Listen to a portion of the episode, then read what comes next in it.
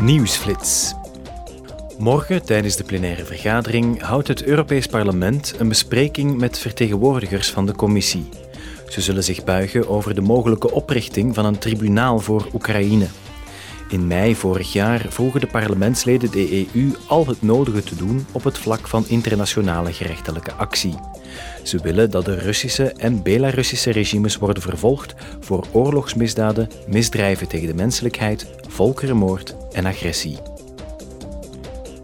Verder zullen de parlementsleden morgen in Straatsburg Josep Borrell, hoofd buitenlands beleid van de EU, aan de tand voelen. Ze zullen hem vragen stellen over een nieuwe strategie om het partnerschap tussen de EU en Latijns-Amerika te versterken. Over die strategie zijn buitenlandministers van beide regio's het in oktober vorig jaar eens geworden. Enkele van de doelstellingen zijn de modernisering van bestaande handels- en associatieovereenkomsten en samenwerking op het gebied van de groene transitie.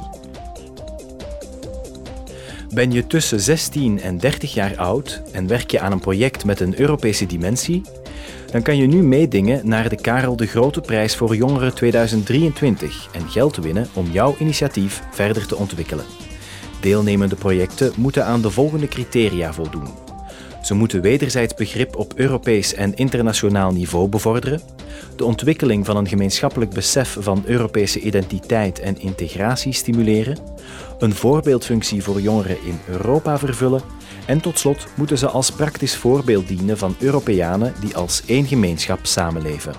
Inschrijven kan nog tot 2 februari.